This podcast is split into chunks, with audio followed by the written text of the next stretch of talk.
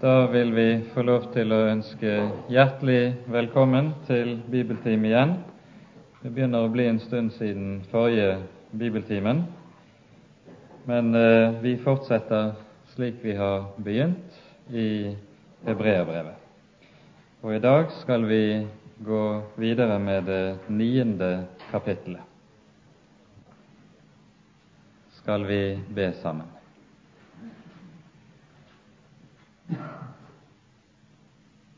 Kjære gode Herre og hellige og trofaste Far.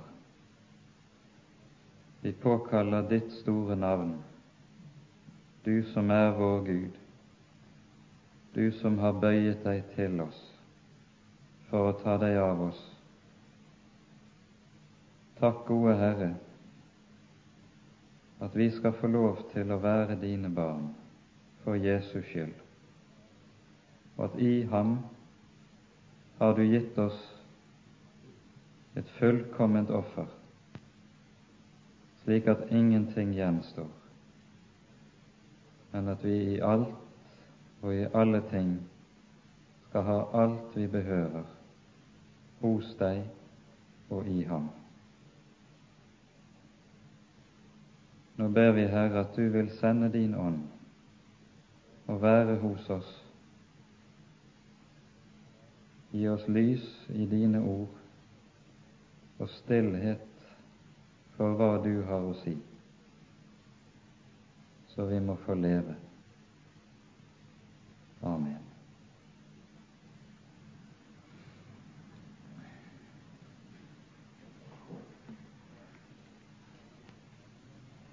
Sist gang, da vi gikk igjennom det åttende kapittelet, så vi på hvorledes Hebreabrevet peker på at i Kristus så har vi fått en så meget bedre helligdom i den nye pakt enn de hadde i den gamle pakt. Og likeledes at den nye pakt er så mye rikere og herligere enn den gamle, som tilsvarende forfatteren i brevet tidligere har pekt på at vi i Kristus også har en herligere øverste prest. Når vi nå går inn i det niende og tiende kapittelet, så er det temaet som man kan si er hovedinnholdet i disse to kapitlene, at det offer Jesus har brakt, er så meget bedre enn ofrene i den gamle pakt, og at derfor Det er jo det som er bakgrunnen for denne parallellføringen mellom den gamle og den nye pakt hele veien i brevet Derfor skal hebreerne holde fast på hva de har fått i Kristus. For det det de har i ham, er så meget større, så meget rikere, så meget herligere enn det de hadde i den gamle pakt. Med dette som i minne, så la oss lese gjennom det niende kapittelet i sammenheng.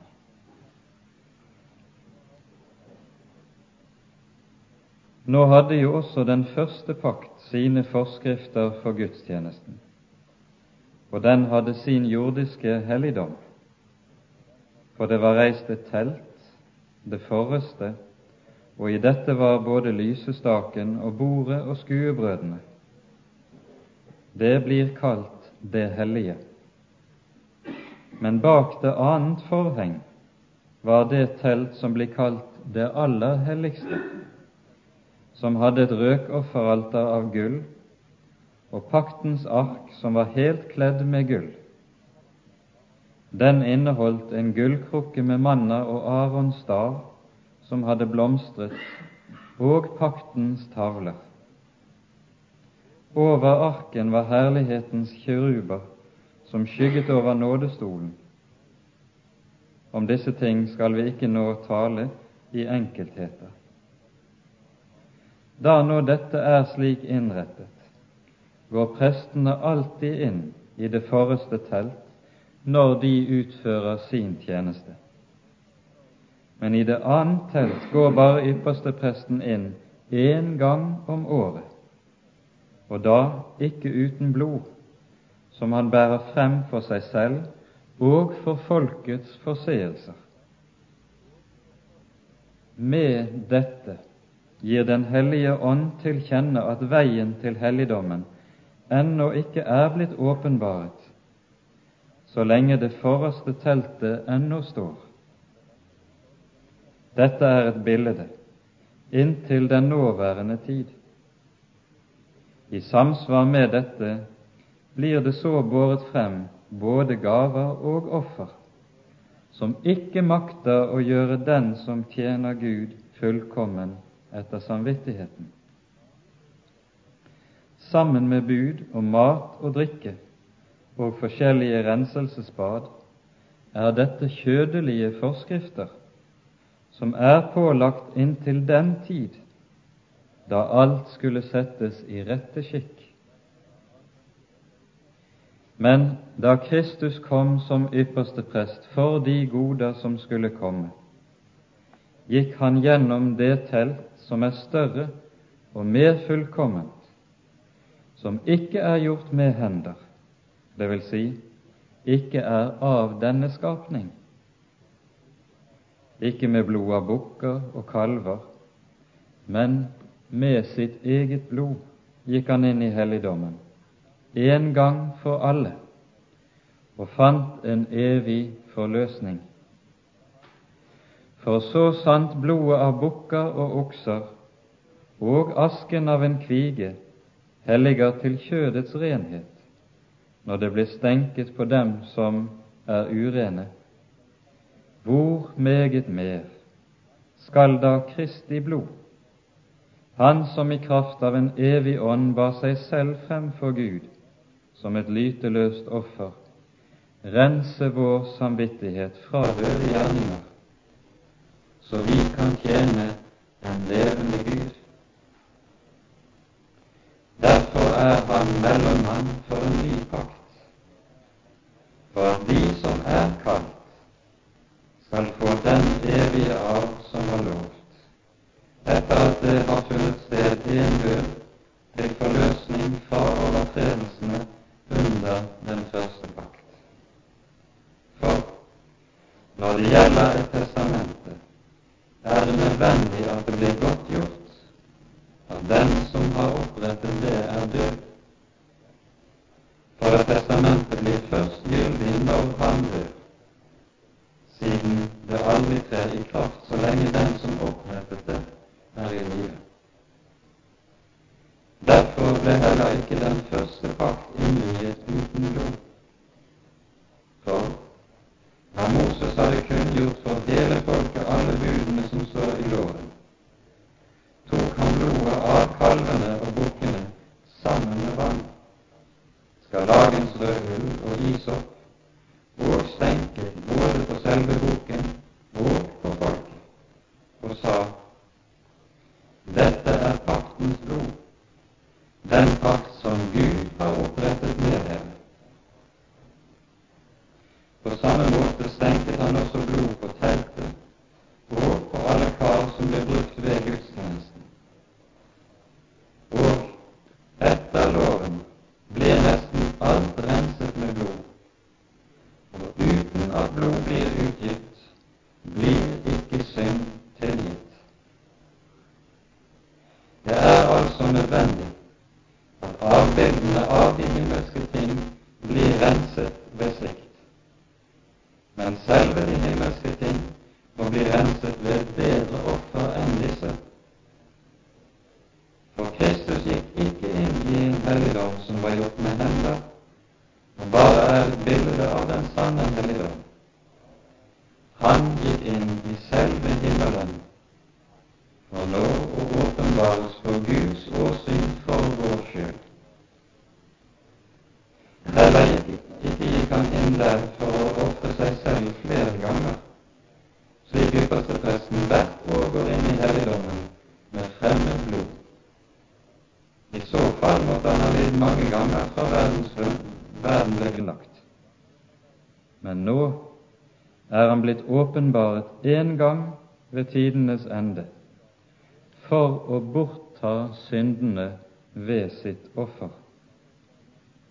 Og like som det er menneskenes lodd en gang å dø og deretter dom, så skal òg Kristus etter å være ofret en gang for å bortta mange synder, annen gang bli åpenbaret, ikke for syndens skyld, men til frelse for dem som venter på ham. Amen.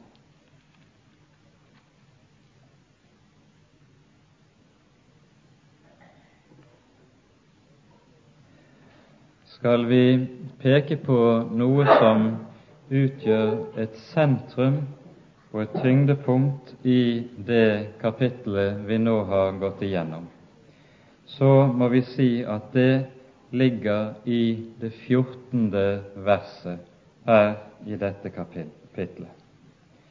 Hvor meget mer skal da Kristi blod, Han som i kraft av en evig ånd bar seg selv frem for Gud som et lyteløst offer, rense våre samvittigheter fra døde gjerninger, så vi kan tjene den levende Gud. Men for at vi skal forstå rekkevidden, innholdet i og dybden av dette verset, så er det som står omkring, gitt for å peke på innholdet i Det gamle testamentets forordninger rundt offertjenesten.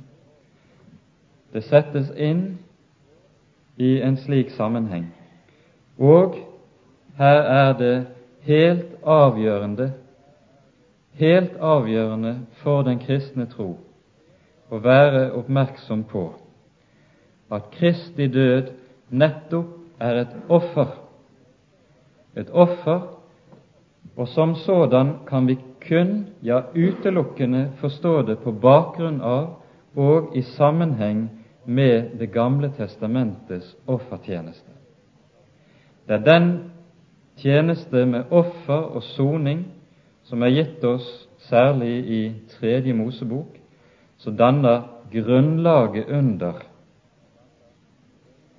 Kristi offer, og som gir oss liksom malen for hvorledes vi skal forstå hva det er som skjer når Jesus dør på korset. Oppover gjennom teologihistorien har det jo vært slik at det har vært gitt eller satt opp en rekke ulike forklarings- eller forståelsesmodeller, der man liksom skal prøve å sette i på en sum eller inn i en setning hvorledes dette Jesu offer, hvorledes Jesu død, skal forstås. Her kan vi minne hverandre om at Hvorledes Kristi offer skal forstås, det sier Bibelen oss selv, i det den peker nettopp på Det gamle testamentets offertjeneste, slik den var innrettet og gitt i tabernakelet i den gamle pakt. Hebreerbrevets forfatter går i de fem første versene inn på en kort beskrivelse av tabernaklet slik vi finner det i annen Mosebok. Fra det 25. kapittel og ut 29. kapittel så finner vi beskrevet hvorledes tabernaklet skulle innrettes rent konkret og bygges. Og Vi finner beskrevet der også de ulike gjenstander som skulle anvendes i offertjenesten. Og Moses får påbudet om hvorledes dette skal gjøres, når han er på Sinai de 40 dager og de 40 netter etter at Gud har åpenbart de ti bud. I det 24. kapittel hører vi om hvorledes folket går inn i pakten med Herren. Og Moses og Aron går opp på Sinai berg sammen med de 70 Israels eldste, og vi hører det sies de åt og de drakk og de skuet Gud. Og så blir pakten inngått her. Men når pakten så er inngått, så går Moses opp på berget, blir der disse 40 dager og netter og mottar åpenbaringen om hvorledes tabernakelet, helligdommen, skal reises. Og Moses får uttrykkelig befaling om at han skal se nøye til at alt skal gjøres etter det bildet som ble vist ham på fjellet. 2. Mosebok 25,40 sies dette uttrykkelig. Det er altså slik, og det er noe av det som må ligge i bunnen under alt, at ingenting i det som sies om helligdommen, er tilfeldig. Alt er gudgitt og påbudt av Han som er Herre. Ingenting av forskriftene rundt dette er heller slik at det er overlatt til Moses eller Aron eller folket selv å finne ut hvorledes de skal gjøre det. Tvert om, alt er gitt av Gud.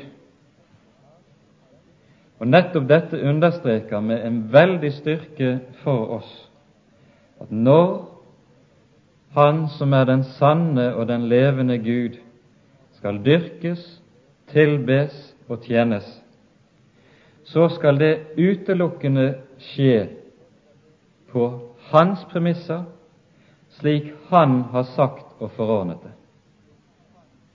Det å dyrke Gud med egne påfunn, med menneskebud og menneskeforskrifter, er noe som Bibelen hele tiden og hele veien konsekvent avviser. Jesus sier jo også eksempelvis i Matteusevangeliets 15. kapittel dette folk dyrker meg forgjeves i det de lærer menneskebud. Og så setter de en strek over Herrens bud. Gud vil dyrkes og tilbes med eller slik Han selv har sagt det ikke etter menneskers påfunn. Om dette har vi også en uhyre sterk fortelling i Tredje Moseboks tiende kapittel, som vi i denne sammenheng godt kan minne hverandre om.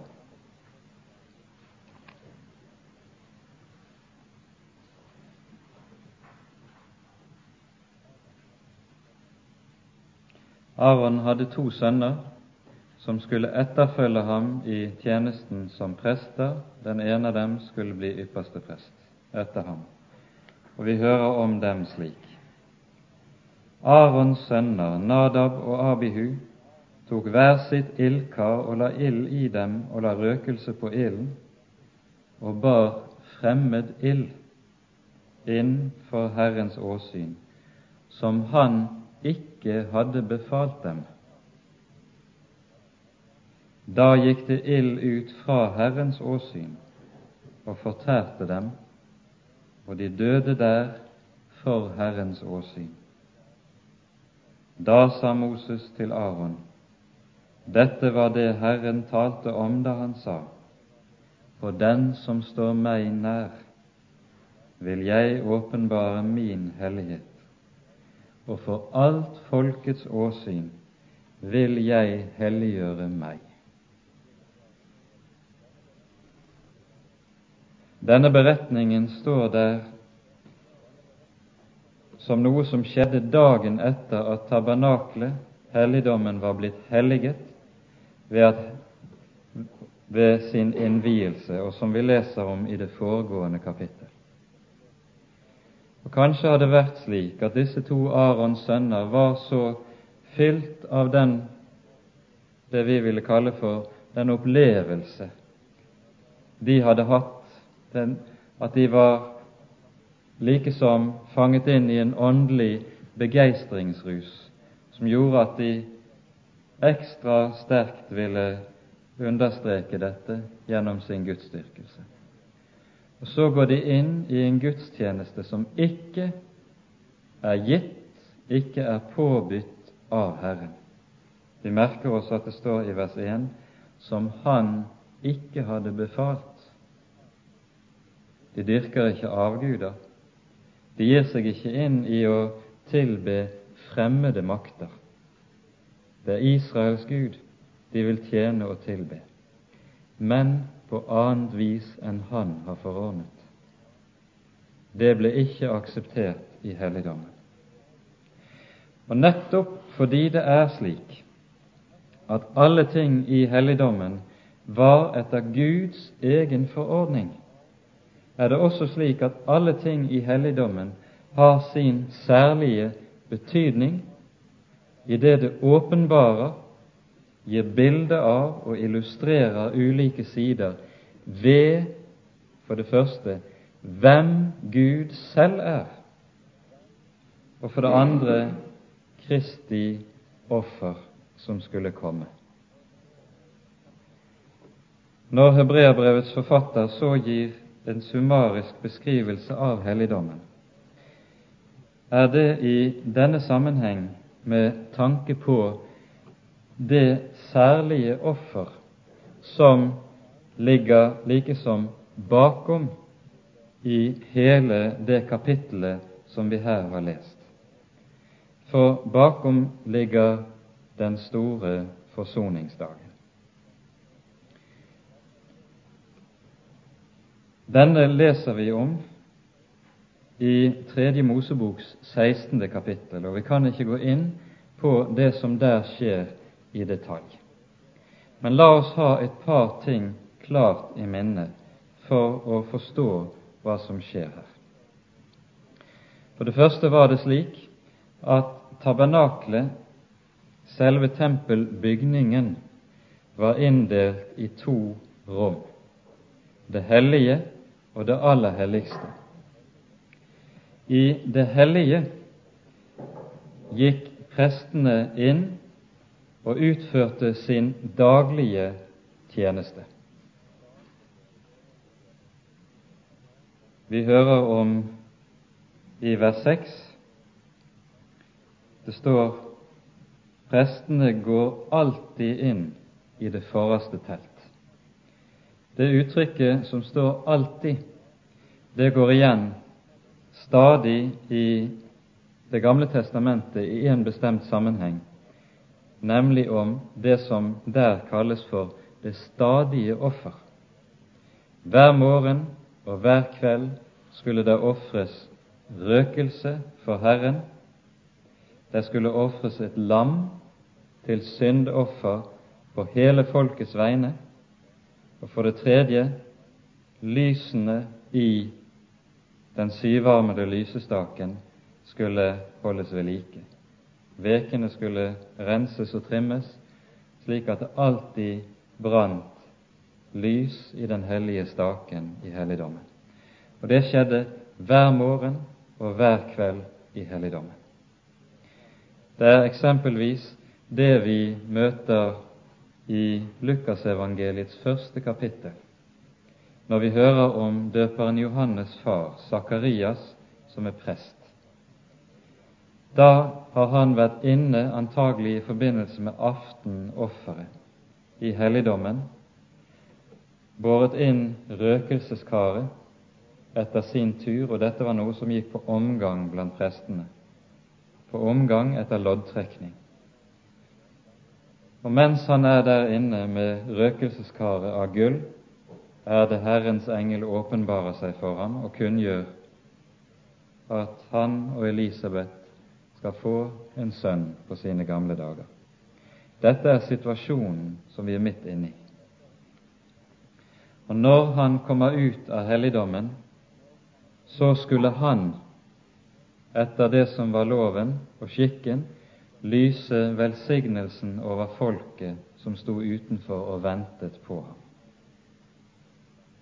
men han var jo blitt slått av stumhet, og dermed så skjer det noe som hele folket legger merke til. Presten kommer ut og kan ikke lyse velsignelsen.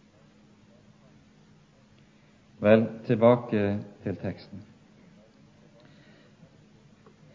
I det hellige foregikk det altså en daglig eller en stadig gudstjeneste. Men så inne i det aller helligste, dit var det kun én gang om året det var tiltrede. Og det var utelukkende én mann som hadde adgang inn dit. Det var ypperstepresten, og det skjedde på den store forsoningsdagen. Denne dagen skulle han gjøre en ganske bestemt offertjeneste.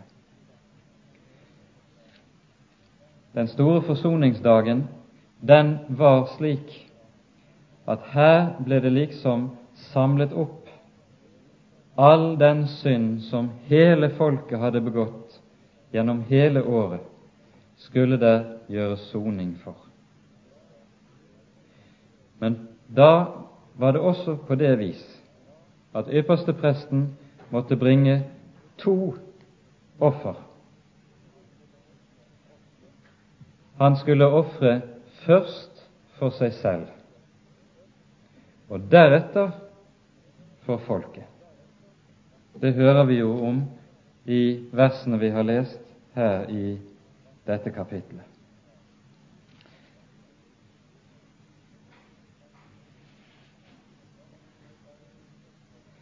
Når han skulle bære inn offer for seg selv, så var det for at han selv måtte være ren og hellig når han skulle bære frem offer for folkets skyld. Den som skulle gjøre soning for folket, kunne ikke selv være beheftet med eller belastet med synd. Han måtte være fullkomment renset, fullkomment helliget.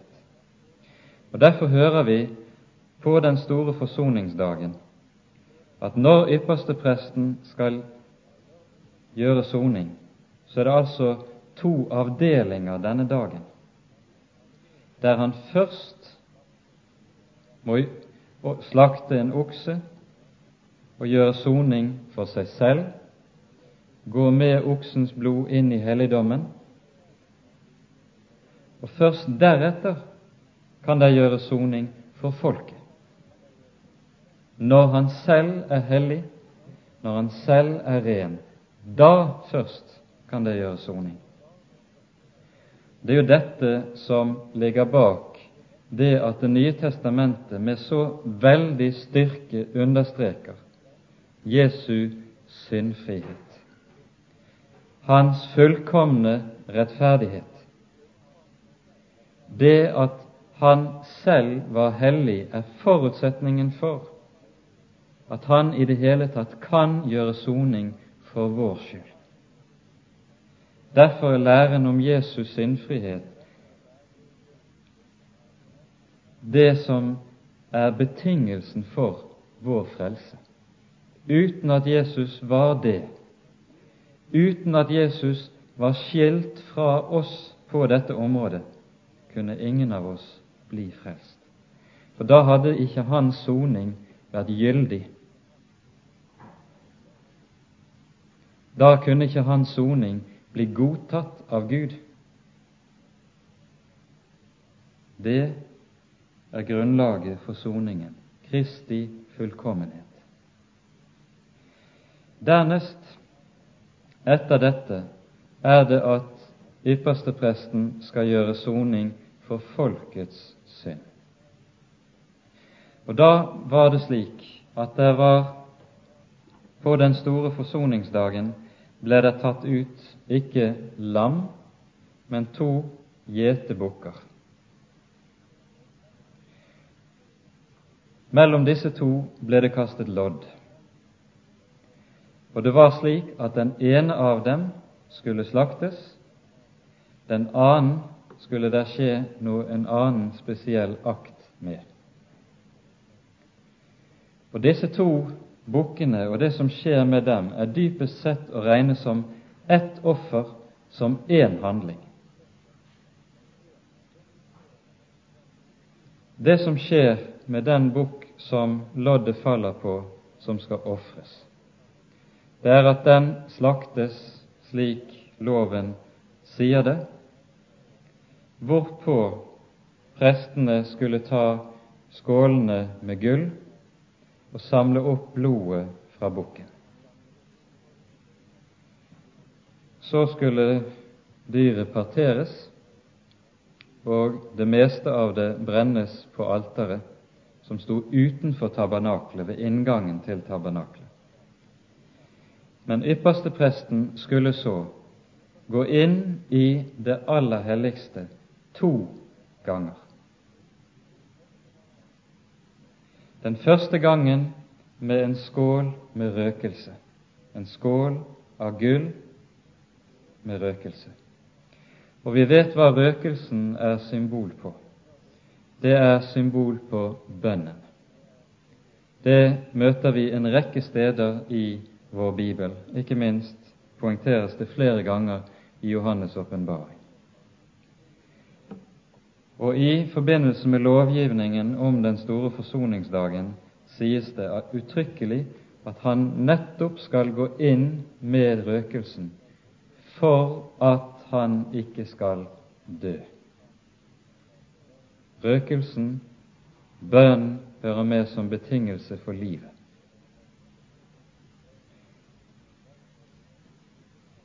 Derfor er det ikke tilfeldig når vi i Johannesevangeliet leser Jesu ypperste prestelige bønn. Den bønn han ber før han skal gå til soningsverket.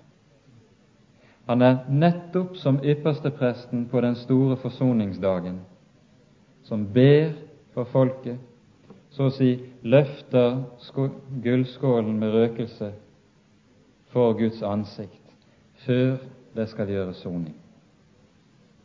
Det er betydningen av denne bønnen, som vi finner i Johannesevangeliet 17. kapittel. Deretter går han ut av det aller helligste og henter den annen skål av gull, der det var blod, og går med denne skål inn i det aller helligste. Og så skal han dyppe sin finger i blodet og sprenge syv ganger med dette på nådestolen. Nådestolen det var det lokk som var over paktens ark, en kiste som inneholdt steintavlene som Moses fikk på Sinai, gullkrukken med manna og Arons stav, slik vi leste her. Nådestolen var lokket på denne. Og dette lokket var kledd i massivt gull, og der var på lokket var det også støpt inn som i ett stykke to kjeruber. Og så står det i lovgivningen om dette der over nådestolen mellom kjerubene, sier Herren, vil jeg møte deg og tale til deg. 2. Mosebok 25 finner vi dette. Og når Aron har sprengt med blodet foran nådestolen skjer der soning. Det som da skjer, det skal vi merke oss. For da var det slik, etter rabbinsk lovgivning, at man sa at når blodet har rørt ved alteret eller ved nådestolen, da er offeret virkekraftig. Og virkekraftig betyr at da er soningen skjedd. Og I lovgivningen i Tredje Mosebok så finner vi en følgesetning i forbindelse med lovene om syndofrene, som går igjen om igjen og om igjen. Det står Således skal presten gjøre soning for dem så de får forlatelse. Så de får forlatelse. Merk den følgesetningen. Og det er dette som er bakgrunnen for det vi leste i vers 22. Uten at blod blir utgitt, blir ikke synd tilgitt. Uten at blod blir utgitt, blir ikke synd tilgitt.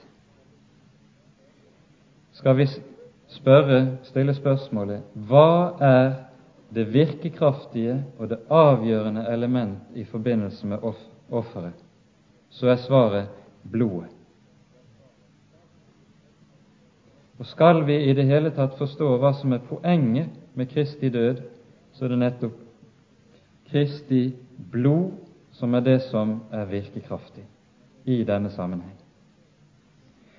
Og Da forstår vi hvorledes hebreerbrevet tegner bildet av Kristi død for oss. Han er i sin person ikke bare ypperste prest, men han er samtidig offeret, offerdyret, i én og samme person. Og det han gjør i sin død på korset, det er at da går han inn i den himmelske helligdommen. For himmelen er jo, i, både her i Hebreabrevet og ikke minst i Johannes' åpenbaring, tegnet for oss som det store og det egentlige tempelet. Og Guds trone er reist i det aller helligste i dette tempel. I denne helligdom er det Jesus går inn som øverste prest med sitt eget blod og stenker dette sitt blod for Guds trone, så der gis forlatelse. Så der gis forlatelse. Det fortelles i forbindelse med den store forsoningsdagen i tempelet på Jesu tid at disse to bukkene som det ble kastet lodd om.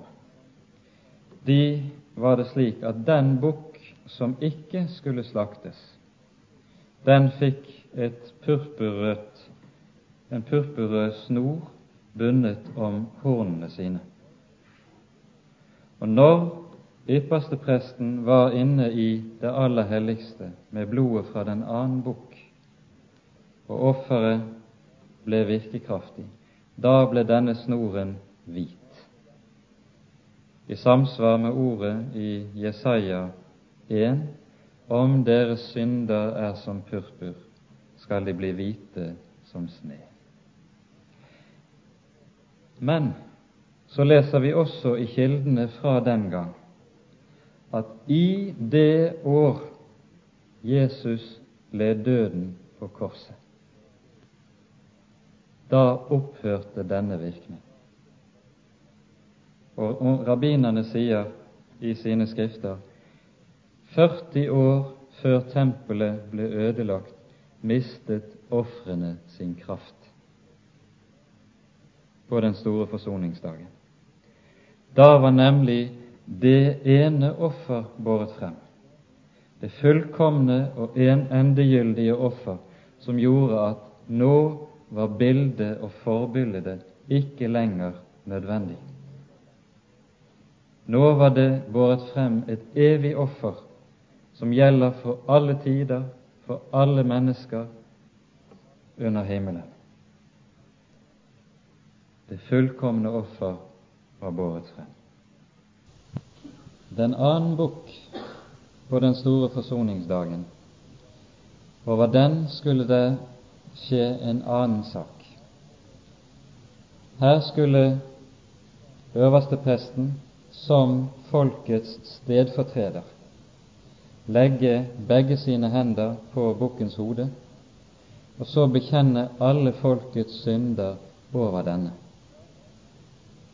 Og Da er tenkningen i offerlovgivningen slik at når synden blir bekjent over offeret, da er det offerdyret som er synderen. Synden og skylden er så å si overført på offerdyret. Det er tatt fra den skyldige og lagt på offerdyret, som jo var uskyldig i utgangspunktet. Og når offerdyret da ofres, så er offeret å betrakte som dommen og straffen over synd. Offerdyret lider døden i synderens sted.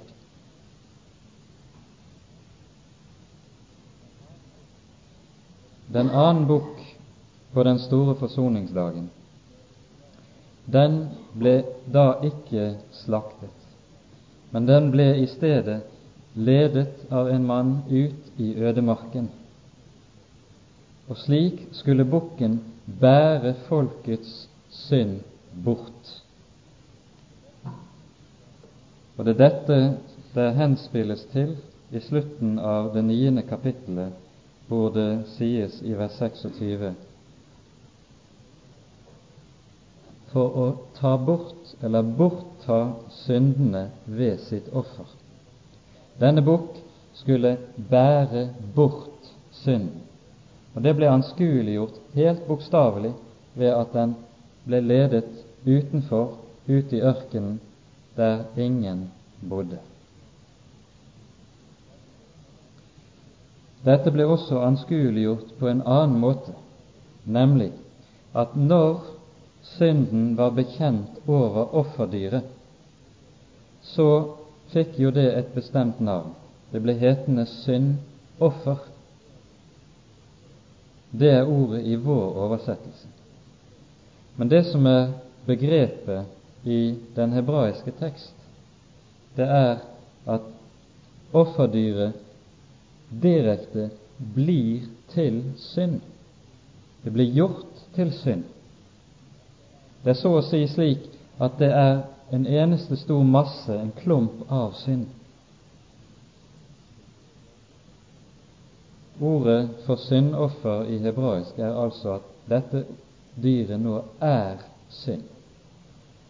Og Det er denne tankegang som ligger bak uttrykket som møter oss i 2. Korinterbrevs 5. kapittel i det 21. verset, der det sies om Jesus i forbindelse med soningen. Han som ble gjort til synd for oss, for at vi skal bli rettferdig for Gud i ham. Der skjer et bytte og en renselse. Jesus ble altså gjort til synd fordi han ble gjort til et slikt syndoffer.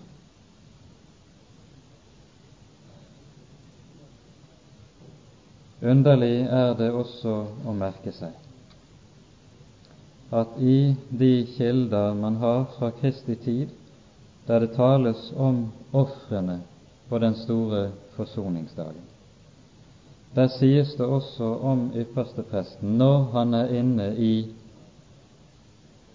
det aller helligste for å sprenge av syndofferets blod på nådestolen, så gjorde han korsets tegn der inne. Syv ganger ble blodet sprengt, og på denne måte.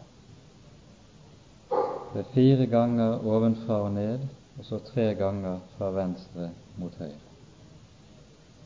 Og slik har det fra den første tid, fra Mosetid, altså vært gjort korsets tegn der inne i det aller helligste.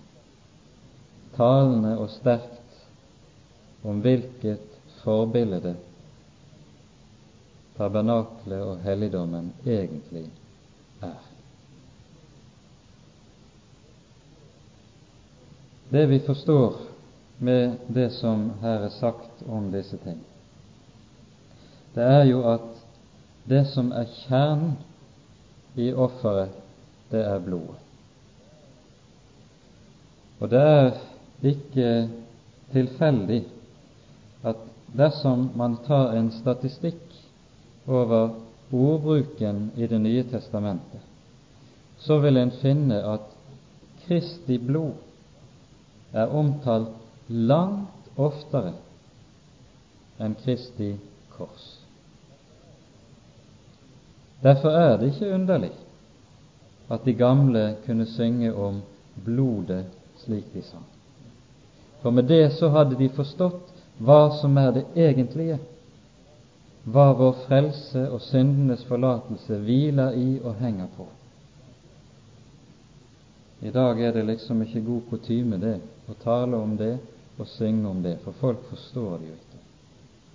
Nei, men om folk ikke forstår det, så betyr ikke det at vi skal slutte å tale om det og å synge om det.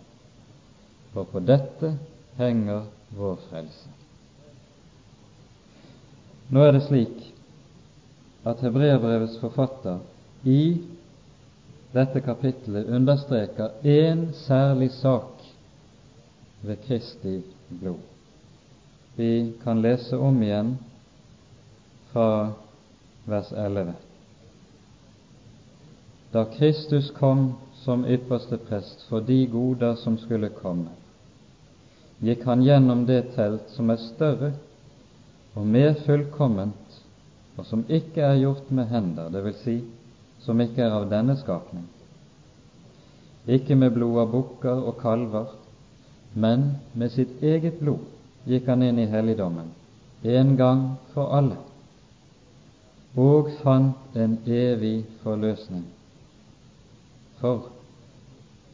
Så sant blodet av bukker og okser og asken av en kvige helliger til kjødets renhet, når det blir stenket på dem som er urene, hvor meget mer skal da Kristi blod, Han som i kraft av en evig ånd bar seg selv frem for Gud som et lyteløst offer, rense vår samvittighet fra døde gjerninger, så vi kan tjene den levende Gud.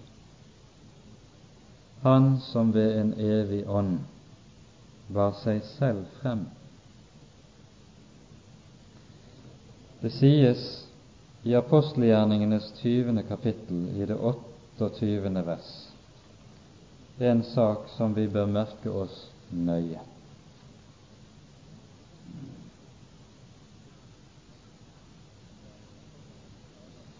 Dette er apostelens tale til menigheten i Efesus, der han nå formaner de eldste der med tanke på deres tjeneste. Og så lyder det i slutten av dette verset for at dere skulle vokte den Guds menighet som Han vant seg ved sitt eget blod. Her er det rett og slett tale om Guds blod. Kristi blod som ble utgitt på korset, var ikke blott og bart et menneskes blod, det er Guds blod som rant på korset. Intet mindre. Og her møter vi nettopp det som er hemmeligheten med at Jesu død kan ha den virkekraft som den har. Det henger nemlig på at han er den han er. Den evige og allmektige Gud som troner fra begynnelsen. Han har ikke et legeme. Han har ikke en kropp slik mennesker har det. Når Jesus kler seg i kjøtt og blod og blir menneske, så er det slik at Gud så å si kler seg i kjøtt og blod for å kunne dø. Som den evige Gud i himmelen kan han ikke dø. Har han ikke legeme, er han ikke dødelig. Men Gud blir kjøtt og blod som oss for å kunne dø, for å kunne utgyte sitt blod, for å kunne sone. Det er Guds blod som renner på korset, intet mindre. Og Derfor har det denne makt Derfor har det denne virkekraft. Derfor har Gud selv sørget for å gi oss disse forbilder i den gamle pakts tid, for at vi skal forstå betydningen av den død som skjer på korset. Og det som er den nye pakts alter, det er nettopp korset. Her ofres Guds egen sønn, og ved en evig ånd bærer han frem sitt eget blod. Derfor, fordi det er et slikt offer som bæres frem, er synden sonet, blir synden tatt bort. Tatt bort.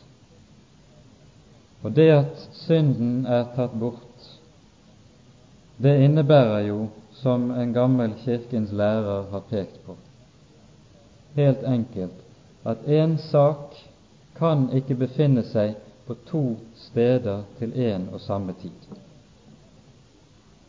Tar jeg denne boken herfra og legger den dit, så er den ikke lenger der. Og slik er det med synden. Er synden tatt bort fra meg, så er den ikke lenger hos meg. Den er vekke. Og så er jeg fri. Det er det soningen innebærer. Det er det bukken som ble ledet ut i ødemarken, skal fortelle. Synden, når den er sonet, så er den tatt bort fra oss, og vi er fri den. Den har ikke lenger den makt at den skal herske over oss så vi skal dø, men i stedet er vi frie.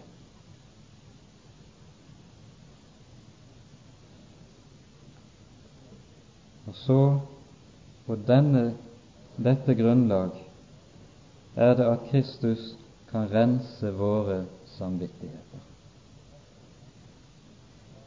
For her skal vi merke oss hva Kristi soningsverk tar sikte på. To ting.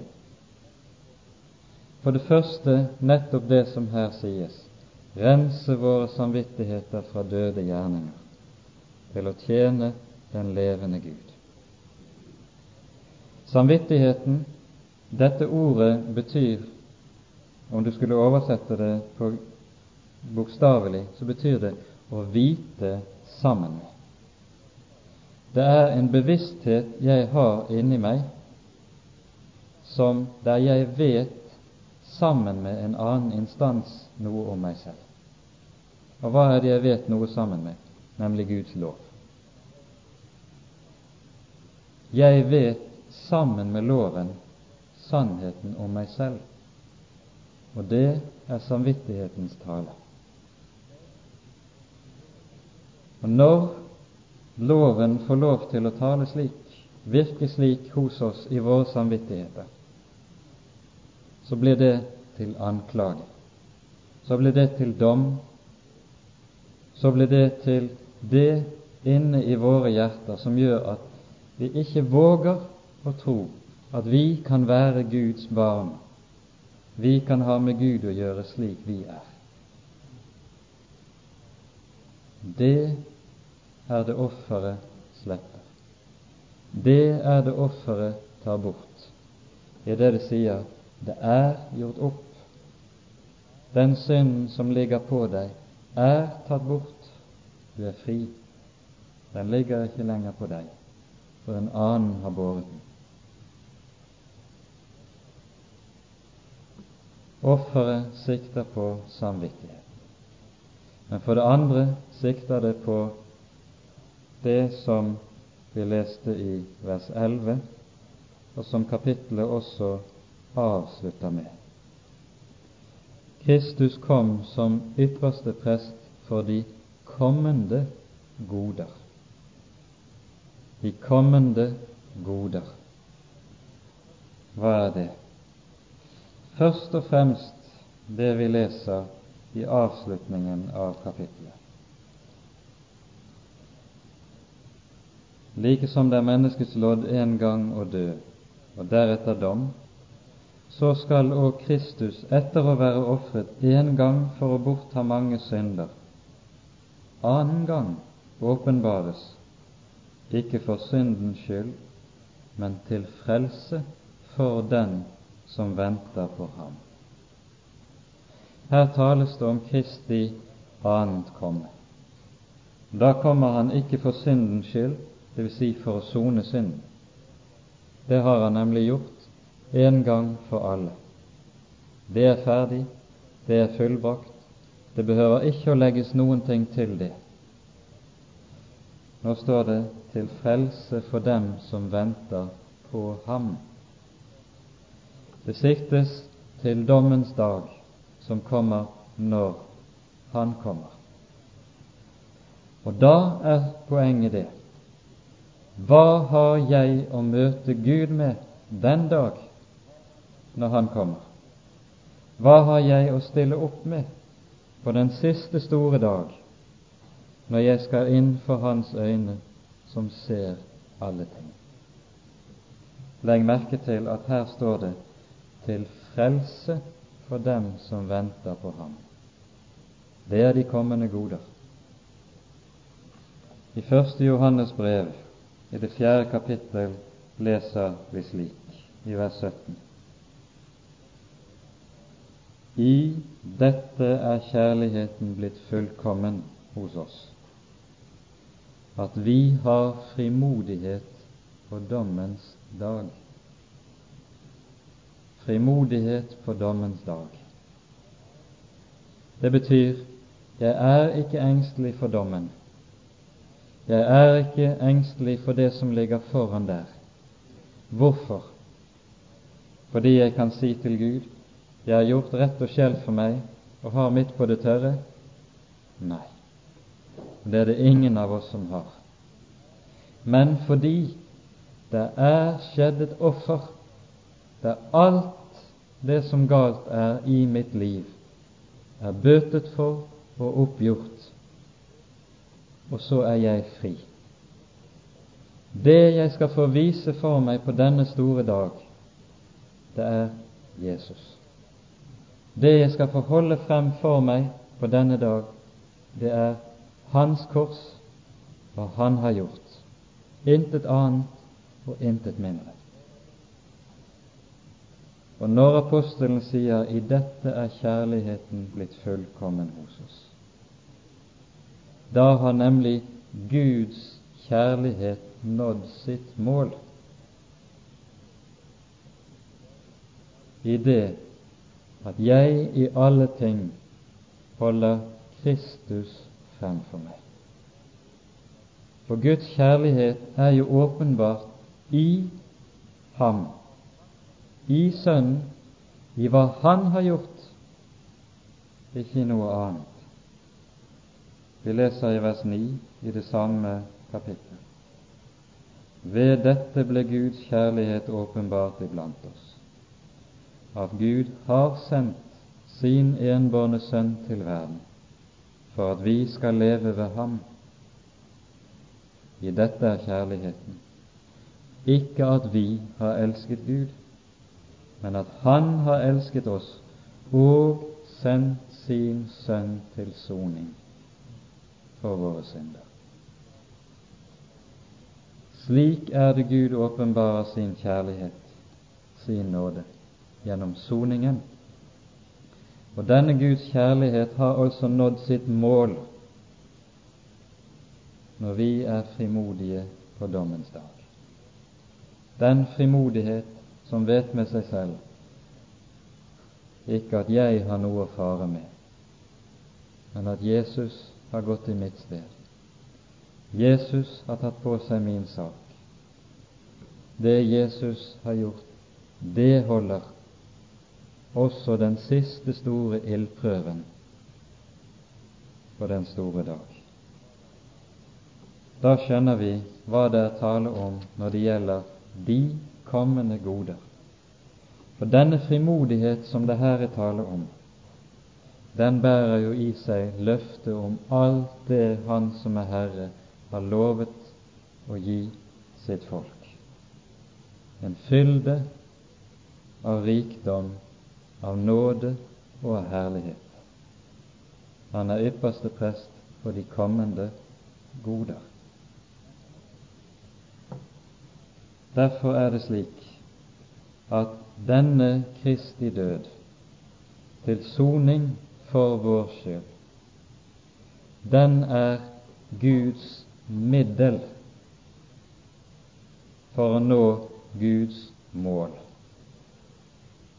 At vi skal få lov til å være hos Ham til evig tid som Hans elskede barn.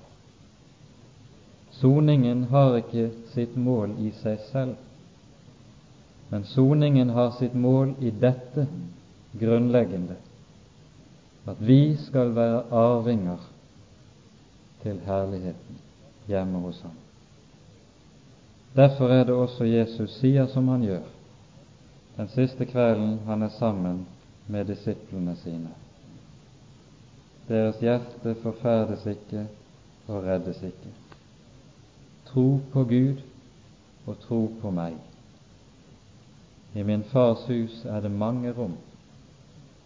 Var det ikke slik, da hadde jeg sagt dere det, for jeg går bort for å gjøre i stand sted for dere.